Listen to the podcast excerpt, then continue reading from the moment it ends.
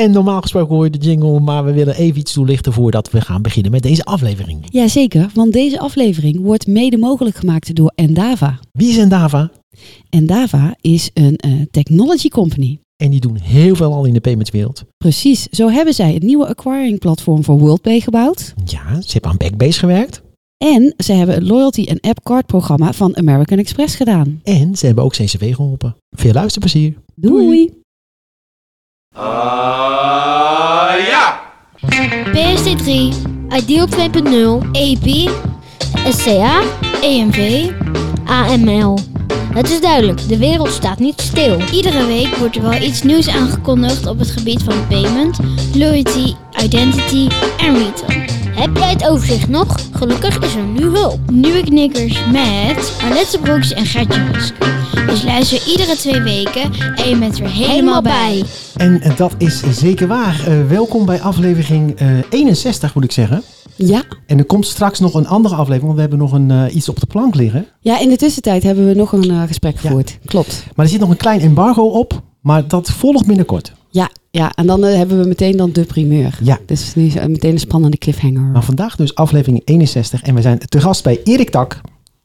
Goedemiddag. Dag Erik. En Erik is het Global Head ING Payments Center. Ja, en Erik is een bekende in de paymentswereld. Niet alleen van onze Oh, bekende, ja? hè, want wij kennen hem al een tijdje. Eh, maar eh, eh, Erik eh, die heeft nogal wat eh, kilometers op te tellen staan. Dat kun je wel stellen.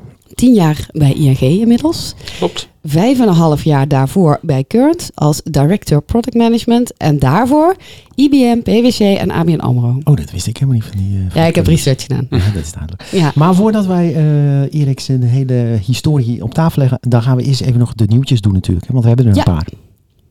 Ah ja! nou, even snel. Ja? Voordat we naar die nieuwtjes gaan, heb ik even een vraag aan jou. Oh, Vind je het nog leuk? Met mij? Jawel. Hoezo? Heel leuk. Ja? Ja. Ja? Weet je het zeker? Ja? Oh, gelukkig. Ja, want ehm, de laatste weken zijn er natuurlijk wat blaadjes van de bomen gevallen. Herfst.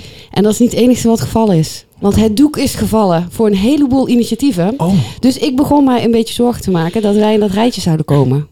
nee, voor mij betreft nog niet hoor. Nee, oh gelukkig. Nee. gelukkig. Ik wil ook graag nog In ieder geval tot en met aflevering 100 zou ik zeggen. Dus we hebben er nog een paar te gaan. Ja, en eh, tegen die tijd eh, zeg je nee, nee, nee, we gaan tot duizend, hè? Precies. Ja. Nee, maar ja, wat ik bedoel met dat eh, stoppen, lijkt een beetje alsof het seizoen van het stoppen is. Nou, noem er eens een paar op.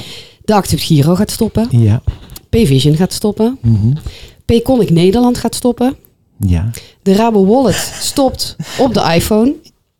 Ja. En Irene Moor stopt met de tv-kantine. Oh ja, dat is ook een leuke, inderdaad. Dus dat is me nogal een rijtje. Heb jij er nog iets aan toe te voegen, Erik? Nee, nee, ik geloof niet. Ik geloof dat er nog wel wat, eh, wat meer zaken aan het, eh, aan het stoppen zijn dan, eh, dan jullie nu noemen. Je ziet toch wel dat op een heleboel punten een aantal businessmodellen minder goed lijken te werken dan, dan ooit gehoopt. En eh, nou, ik denk dat dat een, altijd een gezonde ontwikkeling is. Dat er een aantal dingen niet slagen en dat andere dingen weer doorgaan. Dus misschien hoort het een beetje bij de herfst, maar we zien er veel van. Maar goed, de Accept Giro, dat is gewoon end of life cycle, toch?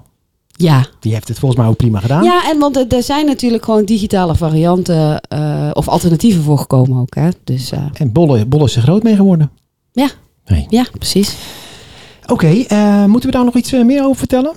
Eh, Over Payconic misschien? Heel ja, even. inderdaad. Daar wilde ik nog wel wat over zeggen. Want ehm Payconic Nederland, hè, dus laten we zeggen de app voor consumenten, die stopt. Maar de technologie, die is natuurlijk de basis voor het nieuwe ideal. Ja, Hè, waar ik aan mag werken. En eigenlijk denk ik ook van, eh, als je kijkt in Nederland, ehm, het is niet letterlijk één op één hetzelfde, maar Payconic en Ideal hebben voor het grootste deel ehm, dezelfde aandeelhouders. En als je zo'n sterk merk hebt als Ideal, ehm, waarom pak je dan de uitdaging op om eh, vervolgens een nieuw merk in de markt te gaan zetten? Dan is het eigenlijk veel beter om dat dan te gaan combineren. Dus de slimme technologie van Payconic met het sterke merk en ook dat ecosysteem wat er gewoon al staat van Ideal. En hoe zit het dan in België? Want daar is ook uh, Payconic actief, toch? Ja, daar blijft het gewoon. Daar blijft het gewoon bestaan. Ja, dus Payconic is eigenlijk nu, ehm, eh, ja, techleverancier en heeft samenwerkingen in verschillende landen met verschillende partijen. Of gaat het straks op in EPI, waar we het met Erik over hebben? Nou, dat zou natuurlijk ook nog kunnen. Oké, nou uh, door. Rabo Wallet, heel even over Rabo Wallet. Want uh, ja, Rabo Wallet stopt op de iPhone. Dat was eigenlijk natuurlijk ook wel te verwachten. Uh, maar die Rabo Wallet, er zitten natuurlijk allemaal hele handige functies in. tanken, parkeren.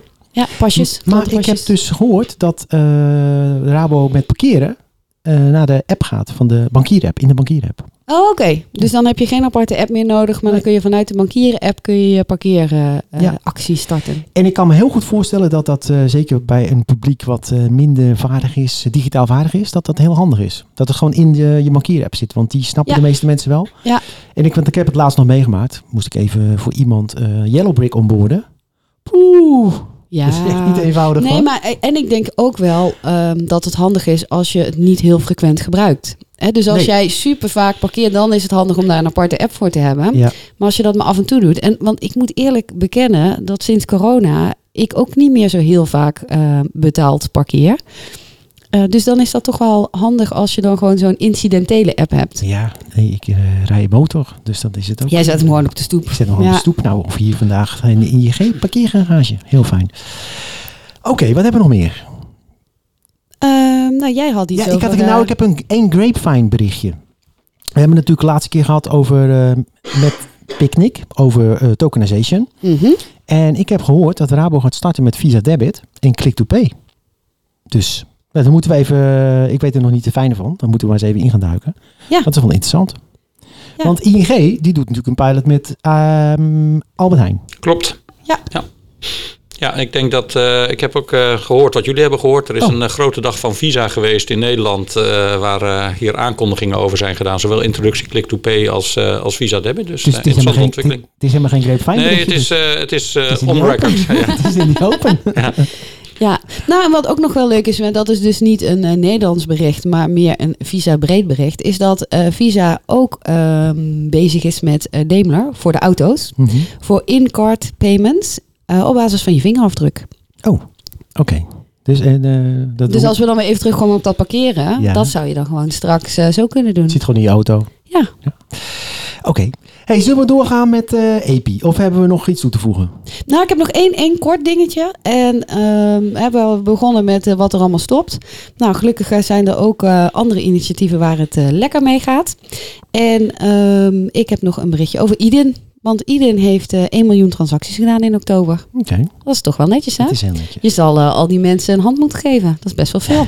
Oh, dat mag helemaal niet nu. Nee, Nee, ja, Nee. Nou ja, ze- Nou ja, je het- zal het- ze een box moeten geven. wat dat betreft ook een zegen dat we hier nog kunnen zijn vandaag. Want het even, we hebben best wel, we wilden al eerder met je afspreken. En dat is altijd niet gelukt Ja, vanwege nee. corona. En we staan vanavond weer aan de vooravond van een nieuwe lockdown misschien. Ja, precies. Dus we hebben echt wel een goede timing. Want Ja. inderdaad, want volgens mij is eh, Erik ook de meest aangekondigde gast in onze podcast. ja. Want we hebben heel vaak gezegd van dan gaan we met Erik praten. Nou, en nu is het gelukkig is het vandaag zover. Absoluut, ik ben super blij. Inderdaad, ja. Want eh, welkom eh, nogmaals Erik. Eh, we gaan met jou vandaag spreken over EPI. En Ja. waar staat EPI ook voor? Formerly known as Pepsi. Ja, ik wil net zeggen, je had eerst Coca-Cola en toen Pepsi en nu hebben we EPI. Ja, Pepsi, die naam, eh, daar waren we heel enthousiast over destijds als eh, partijen die gingen samenwerken. Dat stond dan voor het eh, Pan-European Payment Systems eh, Initiative. Ja. Eh, dat was Pepsi. Dan hadden we, eh, ING zat daar als enige Nederlandse bank aan boord. Maar we overlegden ook met eh, de andere Nederlandse banken. Daar was dan weer een coördinatieoverleg. Dus dat was PepsiCo. Eh dat, ja, dat, dat werkt allemaal heel goed. Tot eh, kerst twee jaar geleden. Toen er eh, bij een aantal banken een hele boze brief op de deurmat viel van eh, PepsiCo uit New York.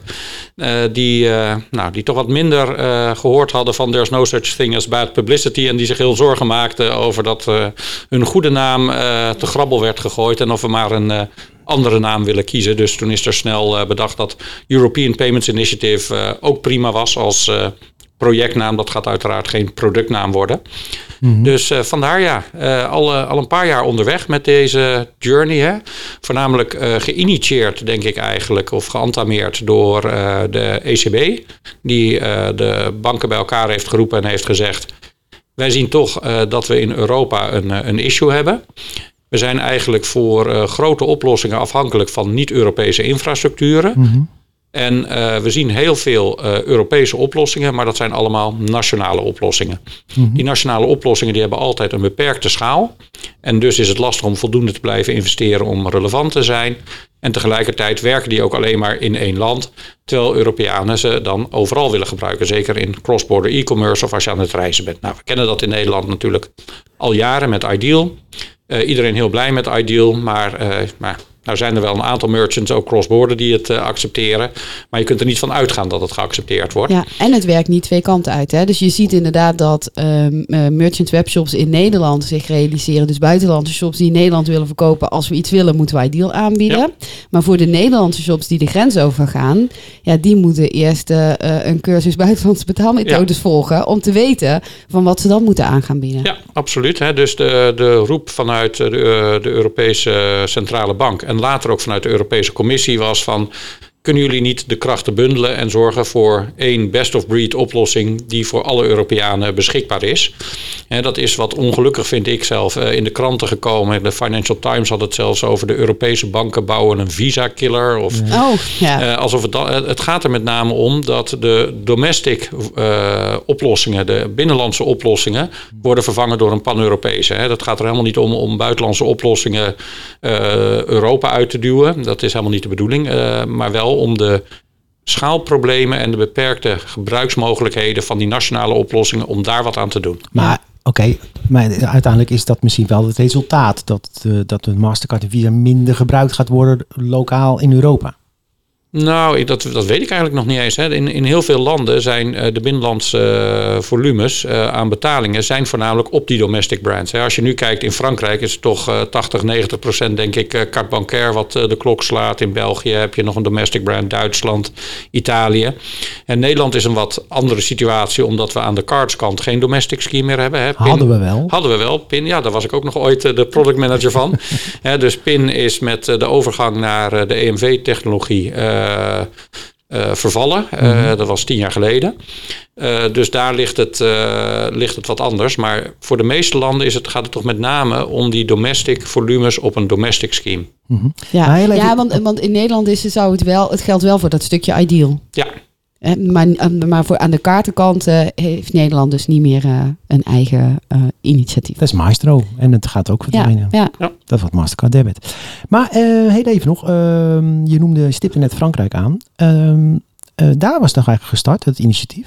Doe dat nou, vanuit de Franse bank, omdat zij zelf hadden... De Franse bank is een beetje end, end of life cycle. Nou, eigenlijk aange, aangemoedigd door uh, de ECB uh, en door de EC zijn de Franse banken wel bij elkaar gaan zitten toen die hebben gezegd van nou, we hebben eigenlijk een groot en sterk merk, wat nog heel dominant is.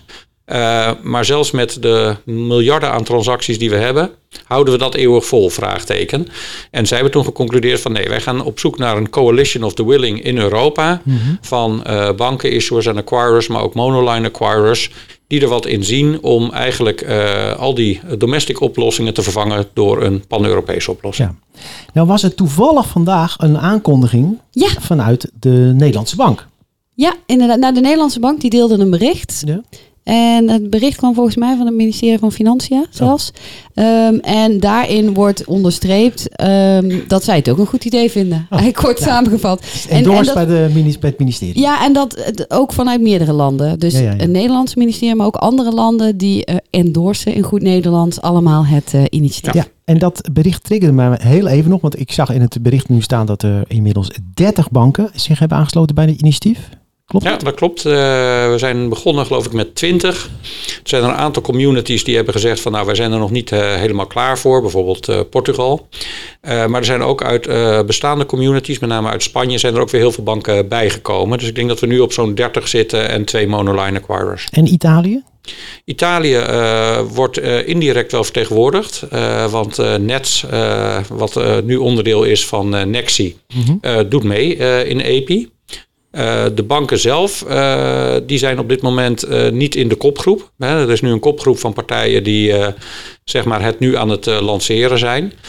maar we kijken nog op welke termijn die dan kunnen aanhaken. Oké, maar we hebben dus nu Portugal, Spanje, Frankrijk, België, Nederland, Duitsland, Nou, Portugal dus niet. Oh, Eh, oh, op dit sorry, moment, hè, die, die zijn zich ook nog even Ja. aan, het, eh, aan het beraden. Ik denk dat eh, de, de, de landen die op dit moment vertegenwoordigd zijn in EPI...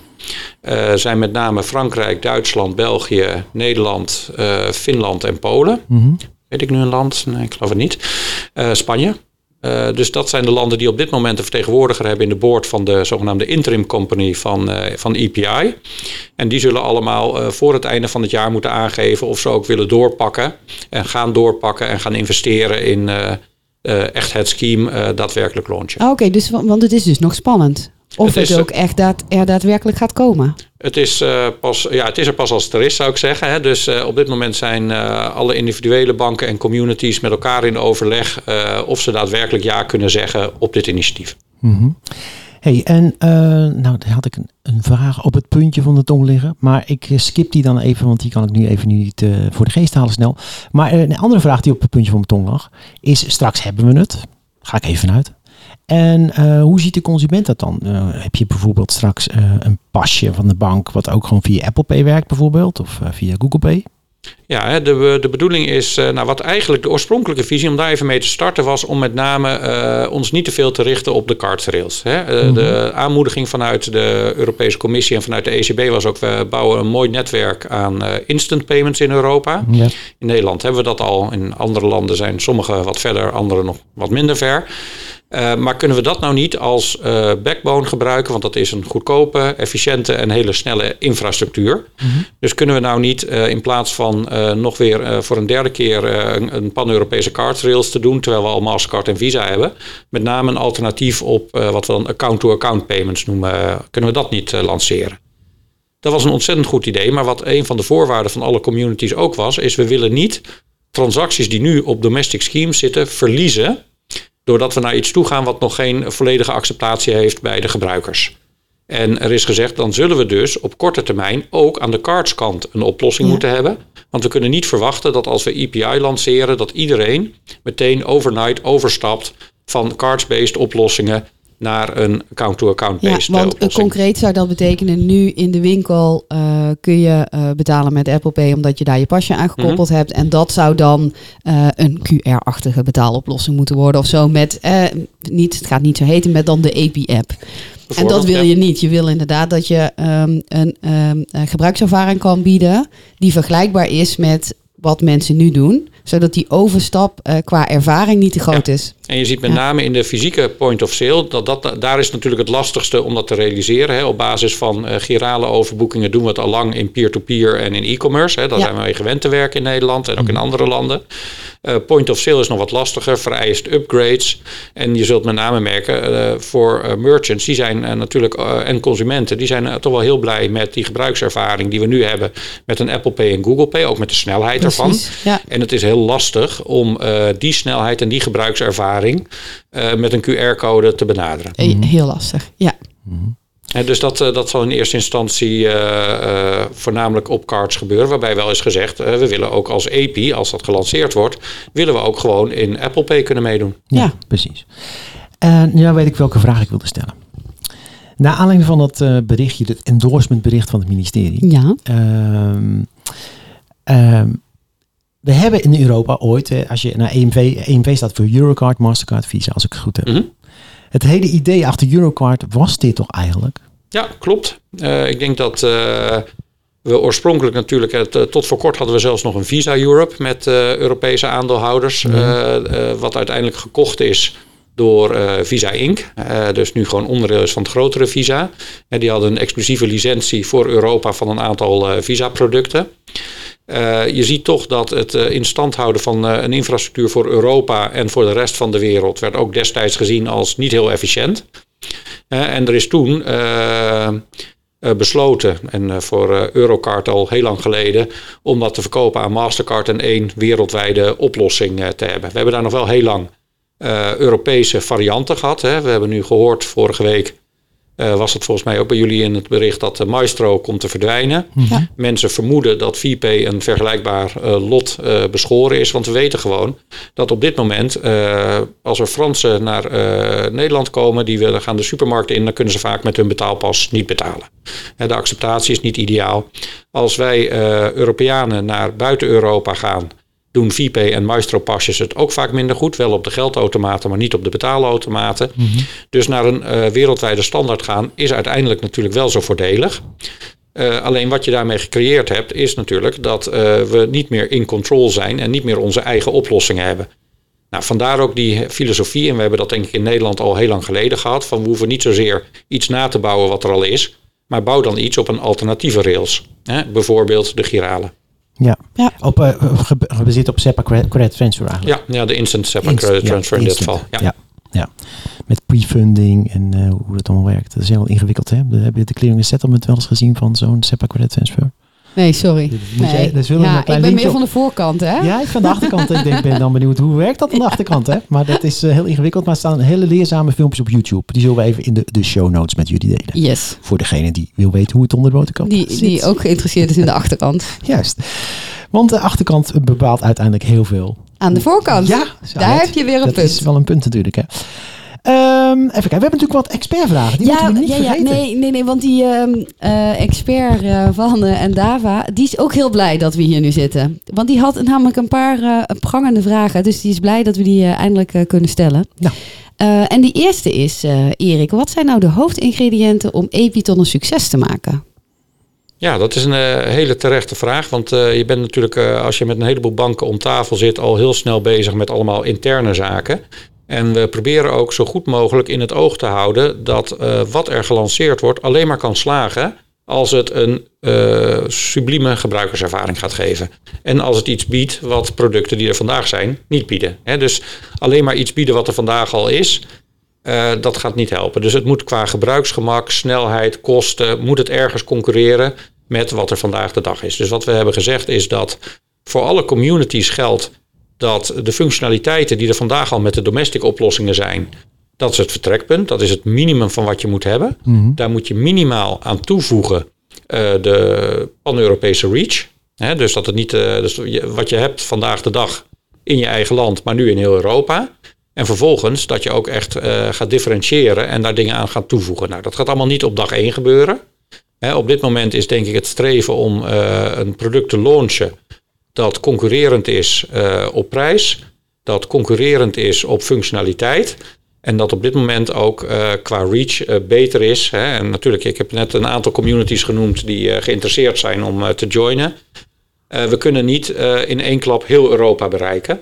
Maar in ieder geval een grote basis hebben in West-Europa, van waar, in de eurozone, van waaruit we kunnen gaan. Dus die, die drie aspecten zijn gewoon super belangrijk. En je ziet ook dat er binnen EPI heel veel tijd en energie is gestoken, met name in de CX-kant van het verhaal. Mm -hmm. En wat is dan uh, de planning? Want je gaf eerder aan van nou einde van het jaar is wel weer een spannend moment ja. om te bepalen van hey, gaan we door en hoe dan? En wat is dan op welk moment in de tijdslijn hebben jullie de champagne ingetekend dat jullie live gaan? Nou, dat is niet met één hele grote Big Bang. de, dus, de hele kort door de bocht planning is volgend jaar peer-to-peer, -peer, jaar erop e-commerce, jaar erop fysieke cards in POS. Beginnen met peer-to-peer, -peer, wat relatief de makkelijkste is. Er zijn veel oplossingen in landen, maar die werken natuurlijk alleen maar binnen de landen. Uh, in Nederland hebben we natuurlijk de betaalverzoeken van de diverse banken en Tikkie. in een land als Spanje heb je bijvoorbeeld Bizum. wat we hebben gezegd, we willen vanaf de start komen met peer-to-peer -peer betalingen. Dat helpt ook om mensen bekend te maken met de API, om ze ertoe te bewegen om eventueel een wallet te down te loaden of die te zien in hun internet of in hun bankieren app.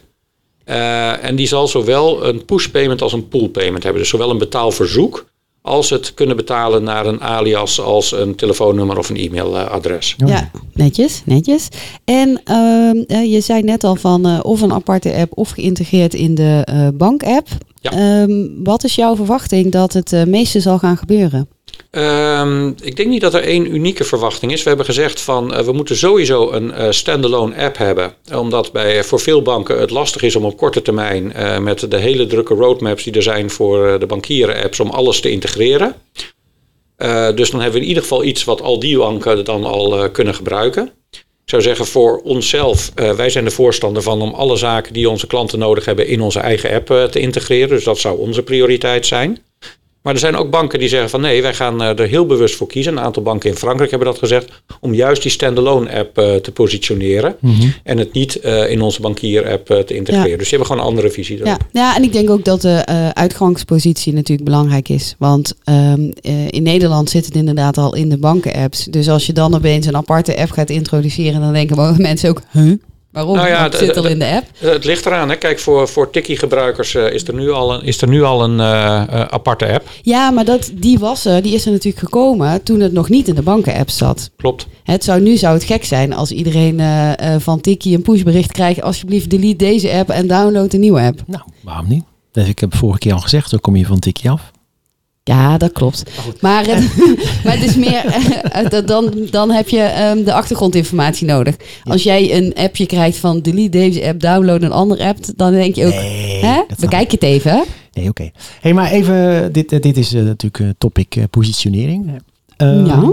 Hoe ga je nou als met, met 30 banken uit al die landen om met allerlei culturele... Wat zit je aan het lachen? Nou ja, nee, ik, ik, ja, jij zegt het heel netjes. eh, Want ik had eh, ook zo'n vraag in mijn hoofd. En dan dacht ik, ik wilde eigenlijk zeggen, 30 landen, dat moet toch puinhoop zijn? maar Nou, jij zegt het heel netjes nee, met ik- culturele verschillen. Ik ken Erik als een heel georganiseerd iemand. Dus die zal Ja, altijd wel, maar die een enorme structuur aan te brengen. maar er zijn natuurlijk wel eh, allerlei culturele verschillen tussen die landen. Ik, bijvoorbeeld in Frankrijk zijn, zijn mensen gewend dat ze, dat ze altijd een chargeback kunnen doen op een transactie. Ja. Dus hoe ga je dat ondervangen in één ja, generieke standaard voor Europa? Ja, nou we hebben dat als bank eh, in Europa al eens eerder gedaan. Dat heet het eh, CEPA-project. Mhm. En dat was tegelijkertijd ook denk ik een voorbeeld van hoe je het niet zou moeten willen doen. Eh, want ik denk dat wat, wat je algemeen ziet in dit soort dingen is dat er zijn twee risico's. Of je streeft naar een, een best-of-breed oplossing die misschien anders is dan, dan wat mensen vandaag de dag hebben. Maar dan doe je er eindeloos over om het eens te worden over wat die eh, oplossing dan is. En tegen die tijd is de markt al eh, voortgeschreden en eh, heb je de kansen al gemist. Dat is één risico. Het andere risico is dat je het betrekkelijk snel eens wordt, maar dat is dan op de lowest common denominator. Eh, dat is eigenlijk wat er bij SEPA is gebeurd. Hè. Je kan zeggen van eigenlijk met SEPA, toen we naar de SEPA Credit Transfer gingen, hadden we niet eigenlijk toen al instant payments moeten introduceren. Eh, in plaats van het harmoniseren van eh, op dat moment eigenlijk al achterhaalde eh, T plus 1 clearing van, van SEPA-transacties. Hier hebben de partijen en ook de boordleden van de banken uitgesproken van nee, we moeten hier echt een, een, een pan-Europese oplossing hebben. En als iedereen aan zijn eigen dingen gaat vasthouden, dan wordt het heel lastig. Tegelijkertijd zijn die dingen die we lokaal hebben, die hebben ook veel waarde. Hè? We hebben wel interessante discussies gehad. De Spanjaarden bijvoorbeeld, die konden zich niet voorstellen dat je iets als een betaalverzoek zou willen hebben. Bizum in Spanje heeft ook een betaalverzoek. Maar eh, het is gewoon sociaal gezien onacceptabel om iemand om geld te vragen. Ah, ja. alleen die lompe? Nederlanders die Ja. zouden hun vrienden om geld gaan vragen. Nou ja, niet alleen je vrienden, daar hadden we het vorige keer toevallig over. Maar goed, ga verder. En daar, eh, nou ja, misschien dat ze dan ook geen vrienden meer zijn. Dat kan, Ja, dat kan ja, natuurlijk. ja. Ja. Eh, maar dat is ondenkbaar. Eh, dus die functionaliteit hebben ze wel, maar die wordt gewoon niet gebruikt. Niemand gaat iemand om geld vragen. Maar daar is dus de push payment, dus eh, iemand die rechtstreeks betalen, is wel weer heel populair. In Nederland eh, zijn we inmiddels heel erg gewend dat het een betaalverzoek is wat we versturen. Eh, en dan hebben we gezegd van nou ja, maar wij willen best kijken wat er gebeurt als we de beide mogelijkheden gaan Ja. aanbieden. En dus ik denk dat over het algemeen zie je dat de functionaliteit toch een, eh, een, een enorme brede, breed aanbod aan diensten is. Die we eh, aanbieden, waarbij me- eh, de klant uiteindelijk de keuze maakt wat hij ervan wil gebruiken en niet. En misschien dat dan betekent dat de, het betaalverzoek in Spanje amper gebruikt zal worden en in Nederland heel populair blijkt. Maar het zit er wel in Ja. eh, voor, voor beide partijen. Ja, want hebben eh, banken dan ook de keuze om te zeggen, hey, bepaalde functionaliteit ga ik wel aanbieden aan mijn klanten en bepaalde niet? Of is het, ehm, dit is de standaard EPI-propositie en die moet je één op één aanbieden aan je Ja, klanten? dat is wel, dat is wel de visie, hè, om eh, te zorgen dat je wel de, de reach in stand houdt. Hè, dat als ik een betaalverzoek wil sturen aan iemand in Spanje, dan moet het wel ondersteund eh, blijven worden. Dus de kern van het eh, product is universeel en daar kun je geen eh, cherrypicking doen Ja. van dit vind ik wel leuk en dat vind ik niet leuk. Nee, je bent all in. Maar het is wel leuk dat we zo meteen een mix hebben van paella, Franse gerechten, Nederlandse hutspot. Zeg maar, dat zit allemaal in die ene EPI Ja, standaard. ja het Dat is is dus toch mooi? Ja, zeker. Maar ik denk, want kijk, ergens is dat natuurlijk überhaupt de, de uitdaging van Europa. Dat ehm, in tegenstelling tot eh, bijvoorbeeld Amerika, waar het, ze iets meer ook zo'n overkoepelende laag hebben. Ook in Amerika zijn er natuurlijk verschillen. Maar in Europa zijn er natuurlijk allemaal verschillende landen met hun eigen mening. En, Mhm. eh, en dan helpt natuurlijk een initiatief als dit helpt wel om een bepaalde baseline te trekken door heel Europa. Ja, Ja. en standaardisatieinitiatieven en het eens worden, dat is in Europa, eh, zijn we er wel goed in, maar vaak niet snel in. Eh, ik denk dat het belangrijk is dat we zorgen dat er iets staat wat met name voor de gebruikers eh, aantrekkelijk is. Eh, dat is veel belangrijker dan eh, of het iets is wat we vandaag al hebben. En tegelijkertijd dat we die klanten die nog niet klaar zijn om naar iets nieuws over te stappen, in staat stellen om bijvoorbeeld kaarten in e-commerce, wat de Fransen nu eh, veel doen, dat ze dat niet opeens kwijtraken. Hè? Ja. Dus vandaar dat de oplossing wel wat breder wordt. Eh, zeker in aanvang. En dan gaan we kijken wat er daadwerkelijk in de praktijk gebruikt gaat worden. En dan zullen daar functionaliteiten bij komen, afvallen als ze niet meer relevant zijn. En dat zal dan eh, gewoon een natuurlijk eh, proces zijn. Ja. Hey, misschien nog even tijd voor een, een tweede expertvraag. Ja, eh, en dat gaat over, eh, niet eh, geheel onbelangrijk, ehm, de gebruikers. Wat zijn de reacties van merchants, hè, retailers en webshops en dat soort partijen? Wat vinden zij ervan? Eh, we hebben met een groot aantal van die eh, partijen gesproken, zowel eh, met hun, hun overkoepelende brancheorganisaties, e-commerce Europe, Eurocommerce. Daar zien we dat alle partijen daar heel positief tegenover staan. Die vinden het heel fijn als er een alternatief is voor alles wat er nu bestaat aan grote brands. En ze vinden het ook fijn dat de versnippering waar ze nu mee te maken hebben, en dan heb ik het met name over de grote jongens die in meerdere landen zitten, die vinden het heel fijn dat ze van al die domestic schemes af kunnen. En gewoon één pan-Europese oplossing hoeven te integreren, maar en niet voor ieder land een andere oplossing. Ja, en Maar- zou dit dan ook nog impact hebben op eh, payment service providers bijvoorbeeld?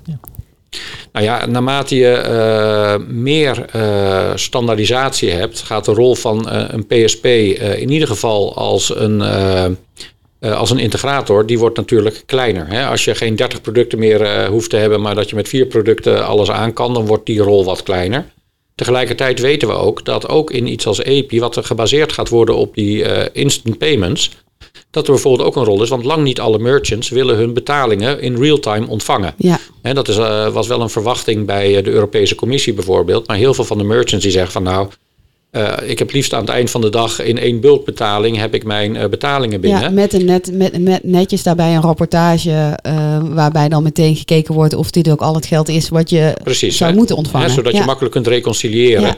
En, maar dat heeft ook mee te maken, en dat geldt ook voor MKB-bedrijven. In heel veel landen eh, betalen eh, merchants betalen per bijschrijving op hun rekening een, Ja.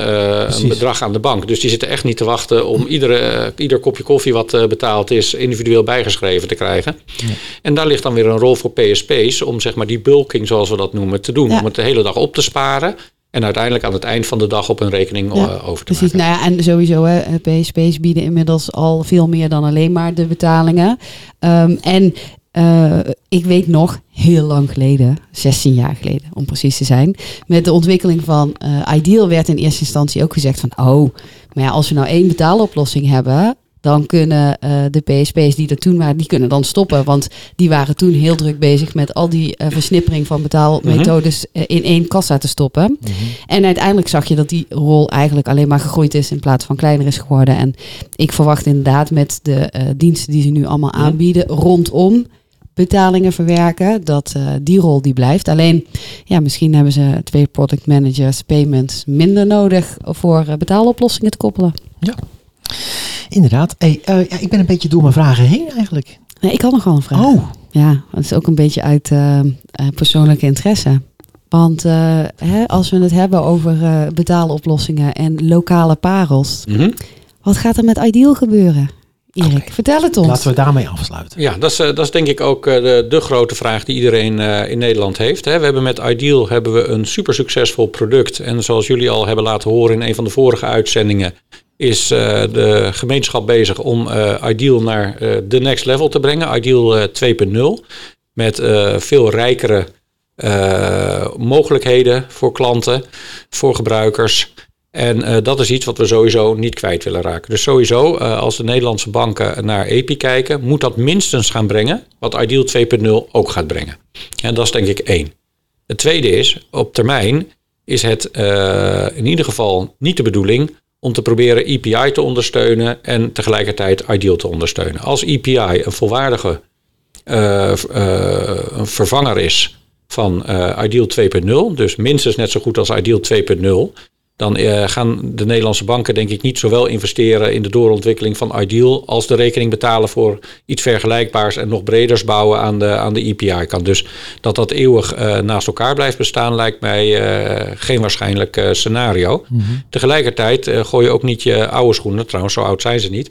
Je, je, de, schoenen die de schoenen die net bij de schoenmaker vandaan komen en die je weer helemaal hebt klaargemaakt voor de komende jaren, ga je zeker niet weggooien voordat je zeker weet dat er een alternatief is dat minstens net zo goed is. Nou, dat is denk ik de discussie die op dit moment in Nederland uh, loopt. Niet anders dan in andere landen.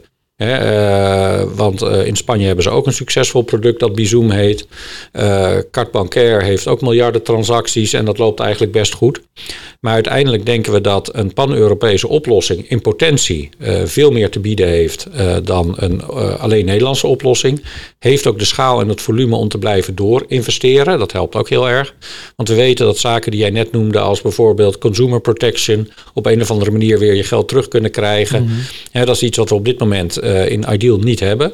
We zien dat de Europese Commissie in haar Retail Payment Strategy zegt dat dat eigenlijk een verplicht nummer gaat worden voor alle consumer payments. Okay. Uh, dus daar zullen we toch iets mee moeten. Uh, en op termijn denk ik, als je die investeringen kunt delen met heel veel banken in Europa, dan uh, is dat in ieder geval goedkoper. En is het ook makkelijker om de toch hoge investeringen die nodig zijn om relevant te blijven, mm -hmm. om die te kunnen blijven doen. Ja. Hè, maar ik denk dat het belangrijkste is, niemand is bereid om voor EPI een achteruitgang in Nederland voor ofwel de merchants ofwel de consumenten te accepteren. Ja, heb ik nog één laatste vraag, want ik ben een beetje getriggerd door wat je zei van... Ja, ik ben ook, ook getriggerd, dus ik heb ook nog een vraag. Oh, oh nou. ah, ja, dan hebben we nog twee vragen. Uh, over dat jij zei van hè, als je dat op Europese schaal doet, dan uh, zijn er natuurlijk meer partijen om de kosten te dragen en zo. Dat klopt. Maar er zijn ook meer partijen om het complexer en trager te maken. Dus hoe voorkom je dan dat, uh, omdat er zo een groot ecosysteem is, mm -hmm. dat je eigenlijk niet meer vooruit komt? Uh, ik denk dat uh, het belangrijkste daarbij is dat EPI een relatief zelfstandige rol krijgt. Die zelf de product roadmap bepaalt hè, binnen een strategie die ze met hun aandeelhouders moeten afstemmen. Niet heel anders dan Currents in Nederland doet. Hè. Die uh, hangen ook niet in de touwen als een van de aandeelhouders opbelt van ik wil dit erbij of dat eraf. dus het belangrijkste is dat de aandeelhoudende banken voldoende autonomie aan EPI kunnen geven. Zodat zij in feite, net zoals Mastercard of Visa doen, in feite zelfstandig een product roadmap kunnen doen. Kunnen zeggen dit is de sunset date voor dit product. Hier mm -hmm. is de introductie. Je moet uiterlijk dan uh, meedoen. Uh, en daarmee zorg je ook dat je EPI beschermt tegen zeg maar even dat politieke krachtenveld en verschillende meningen uit verschillende landen. Dus dat is en het belangrijkste. Beter bruggetje had ik me niet kunnen bedenken, want het is best wel misschien een ingewikkelde vraag. Maar uh, wordt EPI, zo noem jij het, toch? EPI. Ja. En niet meer EPI, wij zeggen wel EPI. Jongens, EPI. Ja, ja dit uh, klinkt, klinkt lekker professioneel. Ja. Uh, wordt het niet, niet een politiek instrument van Europa? Ten opzichte van mm -hmm. bijvoorbeeld, want ik las in, in een ander interview, wat je denk ik twee jaar geleden, of nee, vorig jaar heb gedaan. Uh, Barack Obama had op een gegeven moment verboden voor ma ma uh, Mastercard visa betaling te doen aan Wikileaks. Mm -hmm. Nou, daar zitten wij hier maar mooi mee dan. Want wij kunnen dan in één keer niet doneren, terwijl we dat als Europa misschien best zouden willen. Mm -hmm. dus, maar, maar, zie je ook niet dat EPI dan daarmee een, ja, een instrument wordt, een politiek instrument wordt? Nou ja, kijk, we hebben sowieso op dit moment betalen regeringen uh, bepalen aan wie we wel of niet kunnen betalen. Hè? Ja. Dus dat is uh, iets wat ook vandaag voor uh, Ideal zou gelden. Hè? Daar, ja, maar we hebben bij Ideal in het verleden ook wel eens discussies gehad met uh, de kansspelautoriteit over Maltese gokbedrijven die hun, zich richten op Nederland. En waarbij mm -hmm. ze dan zeiden van nee, dat kun je echt niet maken. En je kunt niet het Ideal betaalmiddel gebruiken voor partijen die hier eigenlijk geen licentie hebben in Nederland. Dus die inmenging die is er altijd al. Alleen wat uh, de Europese Commissie en de ECB zeggen, van we willen wel liever als Europa in charge zijn dan dat de president van de Verenigde Staten bepaalt aan wie we willen betalen. Hè. Dan ja. willen we in ieder geval wel in control zijn. En dat is natuurlijk makkelijker als je een pan-Europese oplossing hebt. Want uh, uiteindelijk als uh, een, een, partij als Mastercard of Visa zal daar toch eerder, hè, want die zijn nou eenmaal daar gevestigd, die staan dan toch onder het toezicht van de Amerikaanse autoriteiten. Dus ik denk niet dat het er politieker op wordt, maar als het politiek is, dan is het in ieder geval Europese politiek. Precies. Nou, ik vind dat een heel mooi einde van deze podcast. Ja, zeker. Nou, dankjewel Erik. Blij dat we eindelijk op bezoek konden komen en eh, meer konden horen over EPI. Ik moest even nadenken. Ja, leuk, leuk. En eh, eh, ja, we houden het in de gaten, hè? Zeker waar. En eh, jullie bedankt voor het luisteren. En eh, tot de volgende keer. Hopelijk weer fysiek bij elkaar. Ja, zeker. Oké, vanavond allemaal kijken naar ons nationale duo, duo Mark en Hugo. Ja, het is nog zo'n dynamisch duo. Precies. Hey, bedankt. Doei. Doei!